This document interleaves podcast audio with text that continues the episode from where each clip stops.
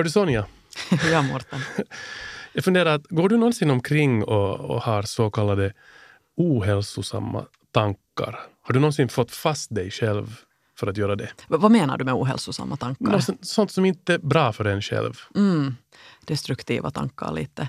Eventuellt, ja. ja. No, jag tänker just sådär att ibland kan man ju bli och älta på någonting och, och, och märka att man inte riktigt kommer ut ur det. Mm. Oftast har det att göra med att man är väldigt trött eller stressad eller något sånt här. Så att det är oftast något av yttre omständigheter som, som påverkar det. Jag brukar oftast ibland tänka på så här worst case scenarion. Bara leka med tanken. Mm. Och bara för att avdramatisera det. Okej, okay, jag överlever. Mm. det, det kanske är liksom det viktigaste. Och sen, sen, sen på något sätt kommer man kvitt det. Mm. Hur är det med dig? Jag, har, jag kanske tycker att jag brukar ha onödigt negativa tankar.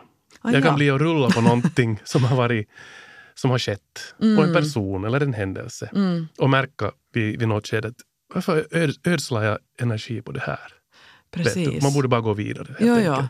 Men alltså, alltid när det handlar om ett tankemönster så borde man på något sätt få ett avbrott Precis. Ja.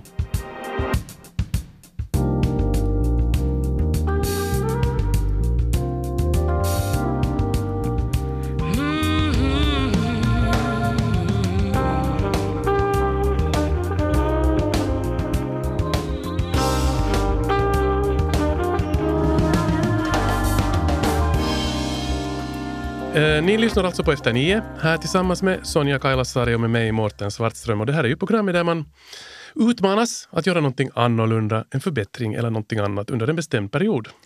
Och idag ska vi tala om att ha katastroftankar. Vad det egentligen är och hur det är att leva med sådana kommer vi att alltså få höra idag. Veckans gäst är en lyssnare som själv ville bli utmanad. Vi, vi har ju alltså bett er, kära lyssnare, att komma med tips och förslag och vem som kunde utmanas och vad den i så fall borde göra. Och vi har fått in en massa fina förslag. Stort tack för dem. Fortsätt gärna att tipsa oss.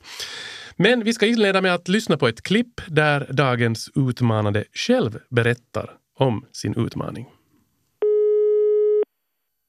Hej, jag heter Maria Sten och jag kommer från Kimitoön.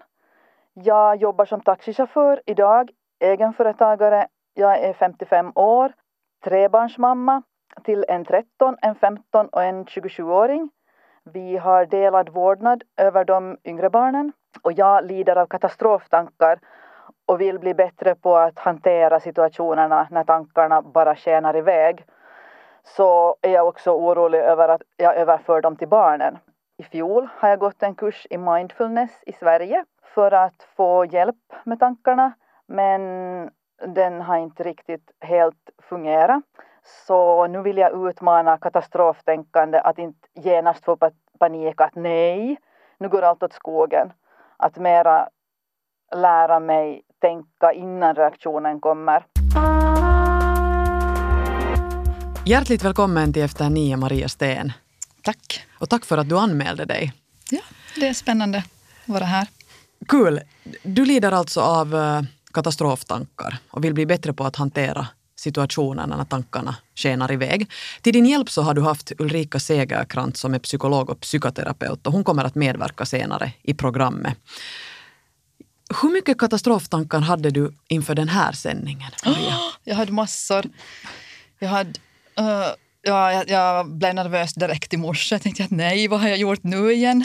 och, uh, och på tåget lite så här. Och, och, men så fick jag ju lugnande kaffe när jag kom hit och, och då släppte det här lite, det här nervösa. Men, men nu finns de där alltså. Mm.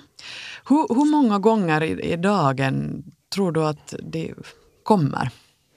Ja, det är, liksom, det är för vilken sak i princip som helst så kan jag förstora upp och bli, att det blir jättestort. Som att redan det om jag far på länk på morgonen och inte orkar springa och jag tänker nej, jag har anmält mig till ett lopp, jag måste, jag måste klara det här och, jag, och så här. Och, och, så tänker jag nej, det här blir till ingenting. Det. Har det någonsin hindrat dig från har det liksom, att sen delta eller, eller göra det du hade tänkt göra? No, ibland nog, ja. Det är ju nu på senare tid som jag har vågat liksom utmana mig själv till, till olika saker. Det har jag inte liksom vågat tidigare. Som mycket. Jag har varit ganska rädd. Men det här helt klart dominerar en, en stor del av ditt liv, kan man säga. Mm, Ja, eller det känns så här jobbigt att varför ska det alltid liksom, varför ska jag alltid tänka det värsta om allting? Men sen har jag ju också haft, har tänkt så här att, att om jag tänker att det värsta händer och sen så händer det ju inte så då har jag ju fått bonus. Mm. Ja, det var lite som jag funderade här tidigare. Um, men när upplevde du att eh, de här katastroftankarna började uppenbara sig i ditt liv? Mm, ja, det är nog säkert på senare tid som jag har liksom mera uppmärksamma dem och, och, och börja fundera på liksom att kanske jag skulle kunna få dem ändrade, att det skulle bli konstruktivt istället och, och liksom dra nytta av dem på det viset. Än att bara ha dem. Vi börjar med att lyssna på ett eh, dagboksklipp Eh, där du lite beskriver vad det är som händer i kroppen när, när tankarna spinner iväg. Jag tappade en bit av min tand idag. Oj nej. Och det som hände var ju att jag åt lite surskorpor. Och av det så ska inte en tandbit lossna. Jag måste ju ha jättedålig kvalitet på mina tänder. Och nu vet jag att jag måste till tandläkaren. Och vad händer det där då? Jo, den är riktigt säkert måste de ta bort hela tanden. Och så måste de väl antagligen, så lossnar den inte och så måste de göra det flera gånger och så får jag tusen sprutor och det tar jättesjukt, jag vet det. Jag har annars tandläkarskräck och nu när jag vet att det här är så här stor grej så är det inte lätt.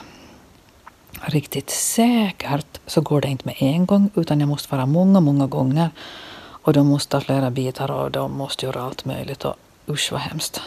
Jag är helt stressad för det här nu.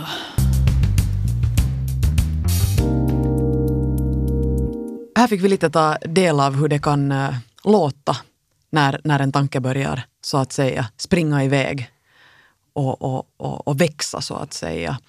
Hurdan hjälp har du sökt i det här tidigare? Du nämnde mindfulness här i, i, i ditt meddelande men, men, men har du försökt göra Ja, jag åt det läser tidigare? sådana böcker om personlig utveckling. läser jag ganska mycket. Och, och nu har jag fått tips av Ulrika vad jag kan tänka på och göra olika andningsövningar. Och så har hon gett mig tips på att skriva ner på kvällarna de bra saker som har hänt under dagen. Och, och det tycker jag har varit bra. Mm. Mm. Vi ska gå närmare in på de där övningarna sen när, när Ulrika kommer med här i studion. Men, men jag tänkte fråga, du sa att det har kommit först på senare år, tycker Ja. du, som det blivit värre åtminstone. Men har, har någon annan någon gång poängterat någonting åt dig? Några vänner eller Ja. bekanta? Att, hör du Maria, vad, vad, vad tänker du? riktigt? Ja, jag har alltid fått höra det här att nej, men kan du tänka så där, liksom att du förstorar upp allting. Men då har jag tänkt att fan, att det är ju ni som förminskar allting. att det där att, ja, det har jag nog fått höra om. Mm. Har, de, har de tyckt att du är på något sätt negativ eller? eller? Jag kanske så impulsiv. Mm. Direkt liksom skjuter upp liksom att ah, det är katastrof. det kan ju vara vad som helst. Liksom. Ett brev eller någon, jag är inbjuden någonstans och det kör igång från vad som helst. Ja. Du får en inbjudan och du tänker att allt ska kommer att gå åt helvete. Jo, ja, allt går åt helvete som bara kan förstås. Och vi bokar en resa och ja, på den där resan så, ja, så då får vi inga flygarna att gå ihop och så blir vi dit någonstans och så får vi ingenstans att bo. Och, ja. Har du tidigare varit i kontakt med någon proffs eller har du Mm, ja. erfarenhet av terapi eller någonting? ja, det har jag nog. Har det varit in Men det har inte varit liksom några katastroftankar på det viset utan mera eh, jag gick efter skilsmässan gick jag på psykoterapi. Just det. Mm. Ja, ja. Jag hörde någonting om att, att du någon gång också haft någon slags armband Ja. som hade med, med, med det här att göra. Vad var det frågan om? Det var en bok jag läste och det var ett, ett armband med i den boken och det var grejen då liksom att, att när man blir stressad, när man eh, får katastroftankar skulle man då flytta över armbandet till, en annan, till den andra armen för att påminna sig om att, att uh, lugna ner sig. Och eh, ibland då så när inte jag kom ihåg att flytta det där armbandet så påminde barnen mig att mamma, nu ska du byta arm på armbandet. Men Hur hjälp, hjälpte det? Jo, den tiden då, jo. Men sen använde jag inte armbandet mera. Så. Så blev det liksom glömt. Mm. Du nämnde det här skrivandet som du tycker om och också den här kursen som du äh, besökte i Sverige. Och inför det här programmet så har du skrivit ner lite tankar om hur det känns när katastroftankarna spinner igång. Så vi ska nu lyssna till vad du skrev. På väg på utbildning.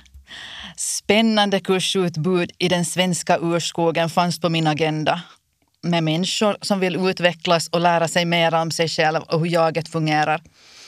Det var innehåll som etik, förtroende, aktivt lyssnande, kommunikation, framsteg, ansvarstagande, coaching, medvetenhet, planering och mål. Resan dit gick med flyg och tåg. Men på flyget kom katastroftankarna. Nej, vad har jag gjort? Varför har jag anmält mig till denna utbildning? Hur ska det här gå? Jag pratar ju inte ens rikssvenska.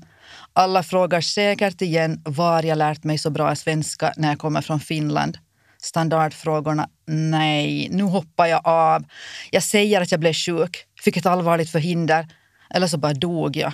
Uh, hjärtat klappar och jag blir helt svettig. Jag kommer inte att förstå övningarna och bara göra allt fel.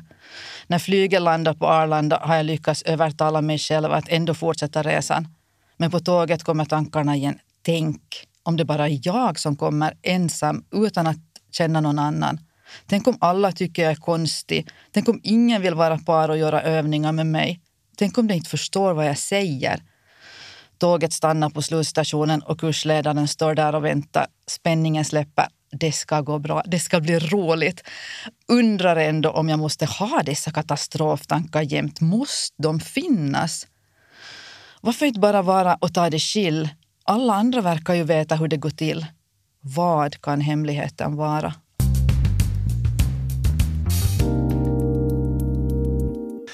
Så där alltså Maria Sten. Eh, såna Sådana tankar hade hon när hon var på väg på kurs till Sverige. Och hon är alltså gäst i Efter nio den här veckan. Och hon har utmanat sig själv att försöka bli kvitt sina katastroftankar. Ja, varför är det, så, är det så svårt att ta det chill? Vi ska höra vad veckans expert tycker om dina katastroftankar. Vad är orsaken? Vi bollar frågan vidare till Ulrika Segerkrantz som är psykolog och psykoterapeut och som fungerat som din coach. Hjärtligt välkommen med Ulrika Segerkrantz. Tack. Ja, varför kan inte vissa bara chilla? Varför ska man ha katastroftankar? Visst kan man svara på den frågan?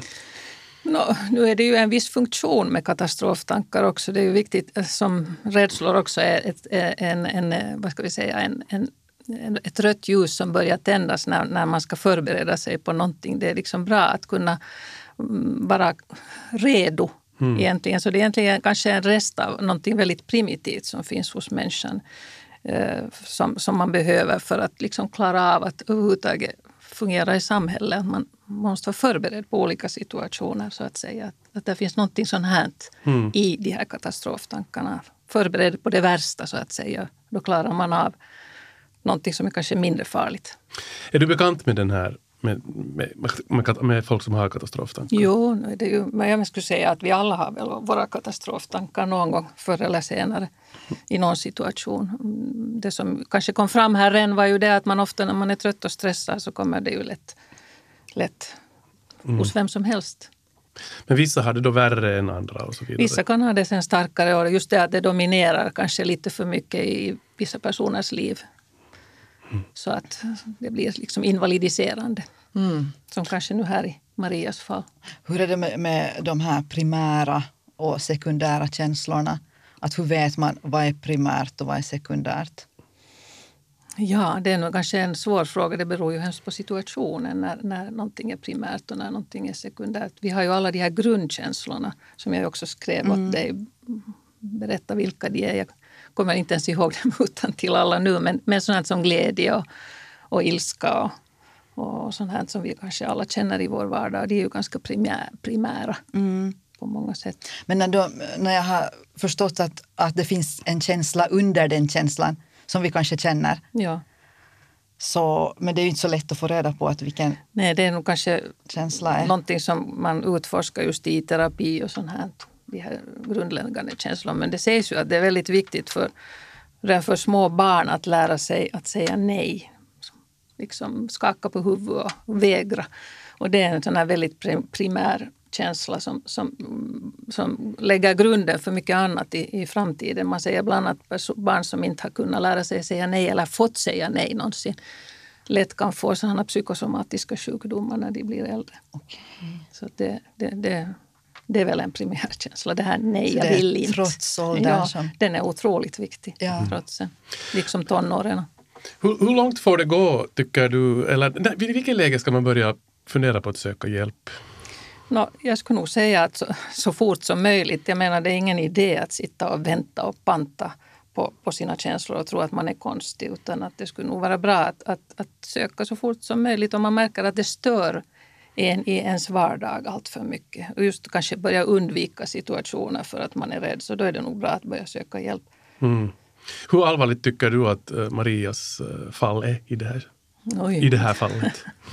jag skulle nog rekommendera för dig liksom en, en terapis sån här sekvens just kring de här katastrofkänslorna. För jag tror att, att i och med att din vardag är sån som den är och, och du det där har mycket annat för dig så är det ganska svårt att koncentrera sig på de här så att säga, uppgifterna och övningarna som det på något sätt har kommit fram här också, att du lätt lämnar dem.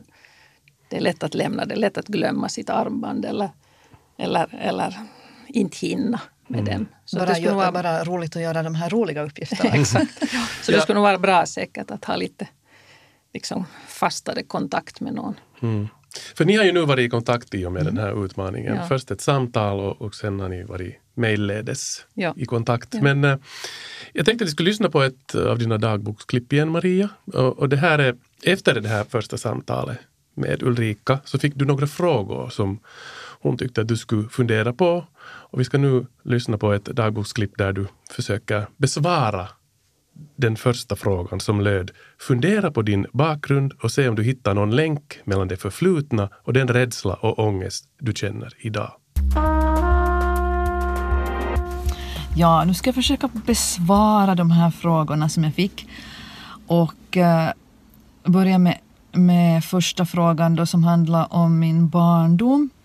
Så när jag funderar tillbaka på den så, så är det ganska mycket jag har förträngt antagligen, för jag minns inte så mycket av den. Men desto mera sen när jag kom upp i tonåren och hur hemskt det var. Att det fanns absolut ingen som jag kunde anförtro mig åt. Att det där att det, det som, som jag nog gjorde var att titta på så mycket dumt som möjligt, om man säger så att leka tuff i skolan och, och, och röka och dricka varje helg och ställa till med så mycket problem som möjligt. Där hörde vi alltså Maria när du funderar på den här frågan om din barndom.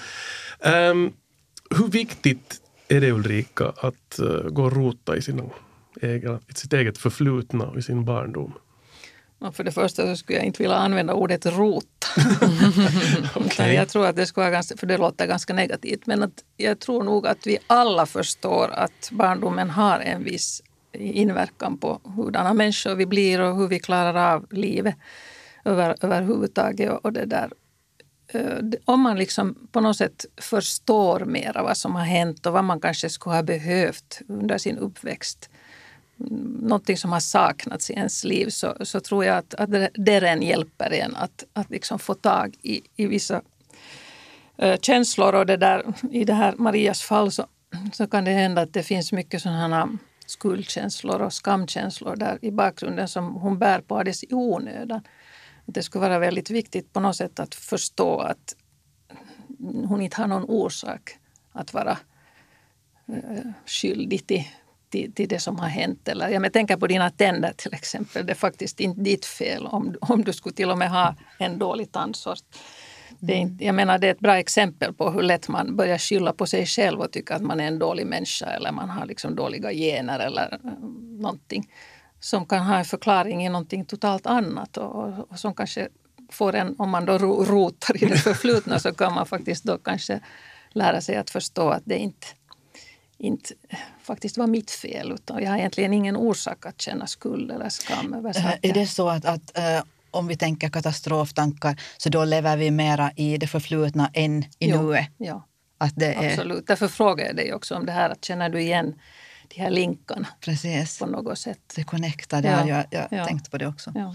Sen är det ju svårt att veta också att, att när det är bearbetat och har, har man bearbetat det tillräckligt? Eller Ja. vad borde man ännu göra liksom för att, att Ja. då få...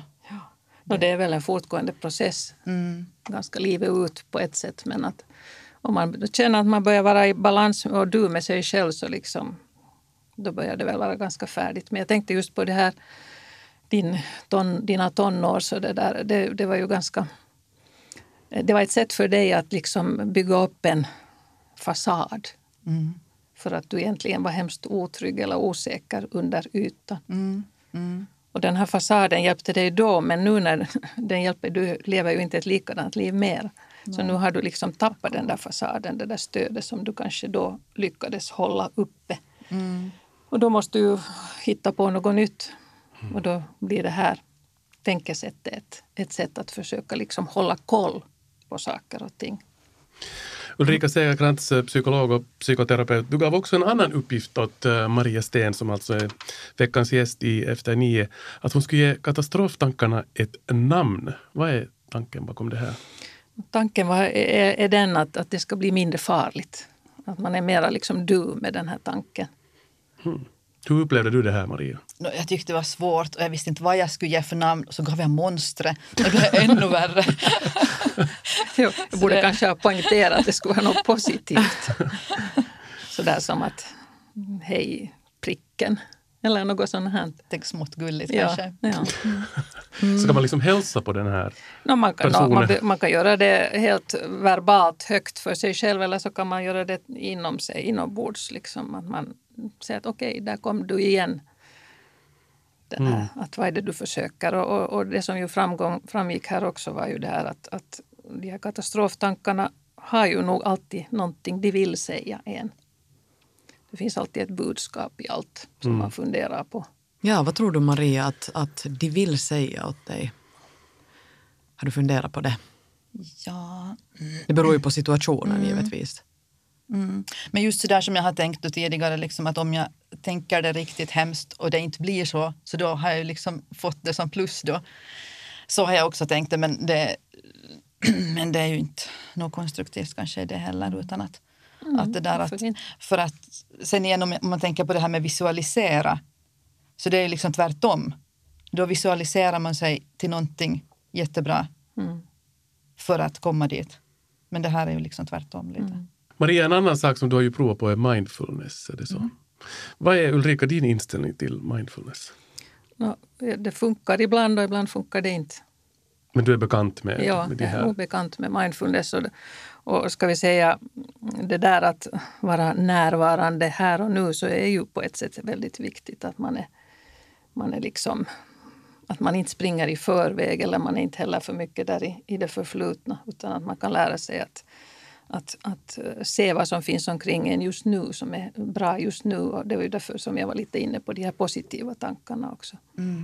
Så att Precis. det, det funkar, men jag tror att det också kräver eh, liksom en viss självdisciplin. Det där att man orkar Mm. sitta ner och fundera. Och, och som Att man kommer har- ibland på det här att nej, Ja. att nu, nu tänker jag så som jag tänkt tidigare eller nu Ja. tänker jag på framtiden att, Ja, att det är bara nu vi har egentligen på riktigt. ja. Och det är bara nu du kan behärska. Du kan inte behärska det som var, har varit och du kan inte behärska framtiden heller. Så det är egentligen en väldigt stor kraft i nuet. Om man talar om att, eh, hur man kan få hjälp till det här, så hurdan form av, av terapi brukar rekommenderas åt, åt folk med katastroftankar? Därav är man ju säkert av väldigt olika åsikt. Mm, Jag sa här åt någon att, att för mig betyder det finns ju en massa olika sådana form, terapiformer och det där. Och, och, och jag tror att, att man måste välja det som ligger en liksom närmast tankemässigt. Jag tycker att det är ett sätt att tänka. En del är mer konkreta i sitt tänkesätt och vill ha liksom konkreta lösningar på saker och ting och andra är ju mer analyserande och vill kanske gå mera på djupet och fundera på orsaker och, och verkan och sånt här. Att, jag vet inte i vilken form av terapi du gick när du gick här tidigare. Kommer du ihåg? Det var bara helt så här basic någonting.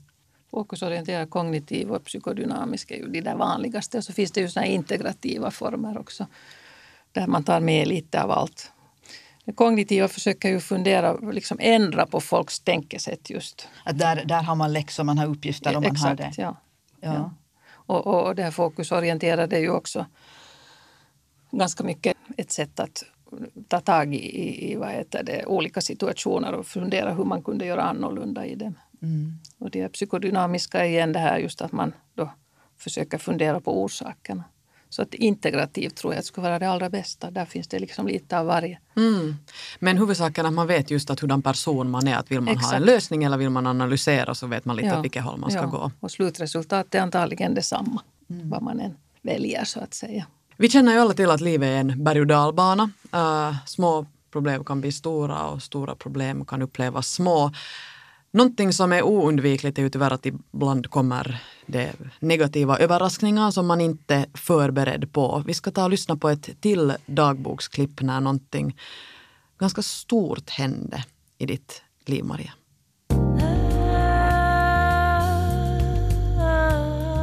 Min barndomsvän är död. Och hon dog i onsdags. Jag kan liksom inte förstå det. Okej, hon hade cancer. Men hon var livslevande ännu. Ända tills hon dog. Jättepositiv människa. Hennes cancer var ganska långt gådd. Och hon tog inte emot eh, konventionell behandling. Hon reste på en resa och hade planer på att komma hem och skriva en bok om sitt liv. Döden kommer så nära. Det kan hända precis vem som helst, när som helst. Det gäller att, att ta vara på det som man har kvar.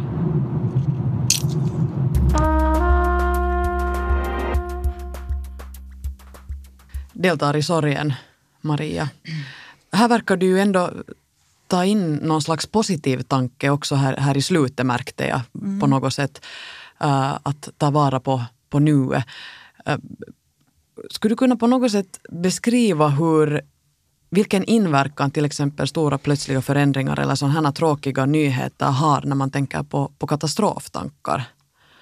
Ger det perspektiv? Eh, när jag tänker på den här händelsen så, så var det på grund av att, att hon nu som dog, så hon var så positiv in i det sista. Hon var helt säker på att hon klarar av det här. Och, och, och hon sa också innan att allt har en mening och, och ingenting är, det finns ingenting som är dåligt egentligen. Att allt, är, allt som händer så har någon mening och, och och fast vi ser det liksom som, som negativt när det händer så sen ändå i det stora hela så kommer det ut någonting som är bra av det. Att hon, hon ingav massor med hopp. Mm. Det, det är otroligt hur, hur vi- vissa har en egenskap och en, en, en, en, en förmåga att, att kunna, kunna tänka så fast, fast ditt liv är omgiven av, av vad som helst. Men kanske det här gav dig lite på något sätt, jag vet inte, du börjar fundera helt klart på det en del i och med det. Just det liksom att när det kom så nära att, att det där att, att vi vet aldrig att, att när det är dags att, att lämna. Att det kan hända när som helst och vem som helst. Och, och så här. Och där kommer kanske dina upplevelser från, jag förstår att din, din mamma också dog i någonting och din pappa i någon olycka. De dog ganska nära varandra. Ja. Ja, att, att jag tror att det är sånt här som triggar sen också Mm. känslor när, det, när det händer i ens mm, liksom, liv, någonting, någon nära, närstående dör. Så om det har hänt tidigare så, så blir det liksom en trigg, triggare som triggar känslorna och de stiger till ytan. Att de gamla känslorna kommer ja, upp på nytt. Ja. Du har ju, Maria, fått eh, flera andra övningar också att prova på som tips av Ulrika. En grej var det här att du skulle lista platser där du känner dig trygg och i vilka situationer du känner dig trygg. Ett annat tips var att eh, gå bort från situationen. Eh, kan man beskriva vad, vad innebär det här, Ulrika? Att gå bort från en situation? Och det har du väl i viss mån gjort också. Du, någon gång så sa du att du gick ut i skogen till exempel. Det är ju att få tankarna på annat helt enkelt. Att inte bli kvar där och, och snurra. Utan att få, jag menar, jag föreslog ju också att du skulle titta på någonting och, och liksom börja beskriva för dig själv en blomma eller ett blad eller någonting. Då liksom flyttas tankarna ju bort från den här katastroftanken. Och då blir det lätt sen så att, att man liksom kan lämna mm. lättare den där tanken och börja fokusera på något annat. Hur har den uppgiften, Maria, fungerat för dig? Ja, jag kan inte säga liksom att den har fungerat helt till hundra procent för att, att, liksom att, att om jag tänker att jag inte får tänka på en tanke så då tänker jag ju säkert på den tanken. men det där... Nej, men så ska du inte tänka utan du ska börja tänka på en annan sak. Mm. Det är ju ett verktyg helt klart, liksom, verktyg. Liksom, verkligen att, att, att tvinga sina känslor och sina tankar bort från, från det vad man håller på med. Det är så att säga att vända på ett blad på, i en bok också. Mm. Och börja läsa på nytt.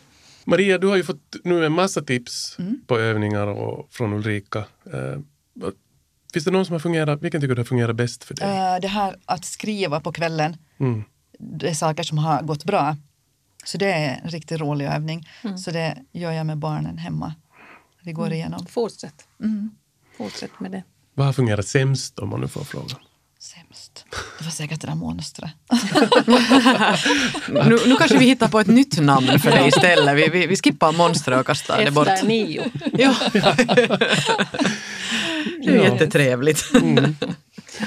no, men, uh, det här har ju egentligen varit bara en introduktion för dig, den här utmaningsveckan. Ja. Och, och det här. Hur, hur kommer du att gå vidare nu efter det här? Hur kommer du att ta till dig? Mm. Ja, jag ska smälta det här och, och det där och, och fundera på, eh, hon, på alla tips som Ulrika har gett och eh, spännande att träna mera och kanske börja andningsskola. Mm. Jag skulle vilja säga något Maria, att, att, att det vad du känner så är nog vanligare än du tror. Mm. Att det, du, är, du är inte konstig. utan, utan vad du gör, som kanske många inte gör, är att du reflekterar över de här sakerna, vilket också är jättefint i och för sig. Så att, så att gå inte och ändra på sånt, men, men sök hjälp lite tidigare. Och, för jag tror att du har varit lite för ensam med allt det här. Mm. Mm. Känns det Maria som att det här har varit till någon hjälp? Ja, absolut. Det är Fått jättemycket nya tankar och mm, tips. Mm. mm. Och säkert många där ute kanske också känner igen sig eller, eller så. Jag tycker det har kommit många bra förslag och tips mm. och verktyg vad man kan, man kan testa på om man, om man upplever samma mm. former av tankar. Mm. Tusen tack, tack, till er för att uh, ni medverkar. Tack, tack. Ja. Det här har varit Efter nio här tillsammans med Sonja Kailasari och med mig Morten Svartström. Och uh, vad är det vidare? Vi hörs nästa gång igen. Nya gäster, nya utmaningar. Precis.